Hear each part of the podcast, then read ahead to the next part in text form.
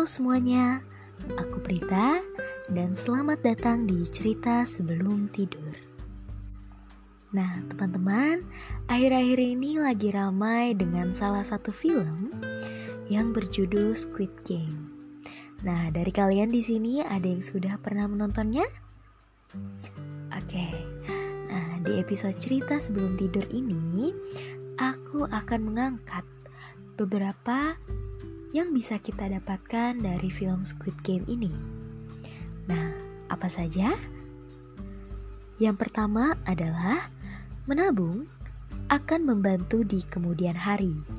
Nah, bagi kalian yang sudah pernah menonton, kita tahu semuanya kalau beberapa pemain, bahkan hampir semua pemain yang ada di arena Squid Game adalah mereka-mereka yang mempunyai masalah dalam finansial atau kita sebut ada yang terlilit hutang, ada yang punya masalah karena perjudian, ada yang punya masalah dengan keluarganya, ada yang harus mencukupi kebutuhan keluarganya, biaya hidup keluarganya, dan lain-lain.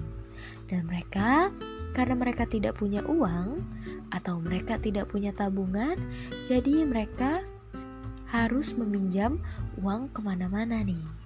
Maka dari itu, mereka tertarik untuk mengikuti permainan di dalam Squid Game ini. Selanjutnya yang kedua adalah ada risiko dalam perjudian dan investasi. Nah, maksudnya apa sih ini?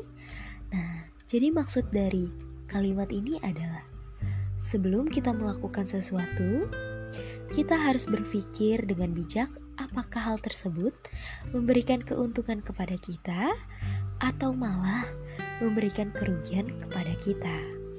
Nah, memang itu adalah salah satu akibat dari proses investasi maupun perjudian. Kadang kita ada di atas maupun ada di bawah. Saat kita sedang untung, untung yang besar. Saat kita sedang jatuh, bahkan angkanya sangat merosot ke bawah. Dan yang ketiga adalah jaga setiap koneksi yang kita punya. Nah, di dalam cerita ini saya sebutkan namanya Kang Sebyok dan Jiel bertemu di dalam permainan. Meskipun hanya sebentar, mereka berhubungan dengan sangat baik. Mereka saling menceritakan masa lalu masing-masing dan saling percaya. Nah, dari sini kita belajar bahwa kualitas koneksi yang baik dengan seseorang tak selalu ditentukan dari lamanya sebuah hubungan. Selain itu, terlihat juga bahwa mereka jarang berinteraksi dengan pemain lainnya. Dalam hal ini, koneksi yang banyak pun tak selalu baik. Justru, koneksi sedikit namun berkualitas itu menjadi lebih baik. Nah, untuk selanjutnya adalah menjadi baik pada siapa pun. Kita sudah tahu Gihun dalam permainan Squid Game ini selalu memastikan kelompok yang dibuatnya bisa tetap saling melindungi. Bahkan saat ia dibujuk oleh si kakek Oil, nah, kakeknya namanya Oil Nam, tentang keserakahan adalah bawaan manusia, Gihun memilih untuk percaya pada kemanusiaan. Gihun juga membantu adik Sebyok dan ibu Sangwoo setelah ia keluar sebagai pemenang. Hal ini mengajarkan kita untuk tetap baik kepada orang lain, tak peduli seberapa cepat atau lambat pertemuan kita.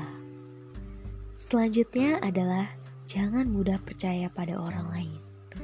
Nah, dalam serial ini dikisahkan seorang yang tadinya kawan bisa menjadi lawan Salah satu yang paling terlihat adalah ketika Abdul Ali yang begitu mempercayai Sangu dan sudah menganggap sebagai kakaknya sendiri. Sayangnya pada permainan kelereng justru Sangu mengkhianati Ali. Nah, di permainan ini, scene ini merupakan salah satu scene yang paling saya tidak sukai. Karena di scene ini begitu sangat menyedihkan. Beberapa orang yang memang sudah dianggap sebagai kawan, sahabat, tetapi terpaksa harus dilengserkan hanya karena demi sebuah permainan. Nah, itu yang dapat saya ceritakan kepada kalian semua tentang permainan Squid Game atau drama kok serial Squid Game yang memang drama ini menjadi salah satu drama yang paling mencekam dan juga tidak tertebak akhirnya. Saya sangat menyukai drama ini karena drama ini bisa dibilang plot twist atau sangat unik. Eh, konsepnya mungkin mirip-mirip dengan salah satu film Jepang, tapi film ini dikemas dengan sangat baik dan juga sangat bagus. Nah, mungkin itu yang dapat saya ceritakan kepada kalian. Kita akan bertemu di episode selanjutnya di cerita sebelum tidur. Selamat tidur, selamat istirahat, dan selamat malam.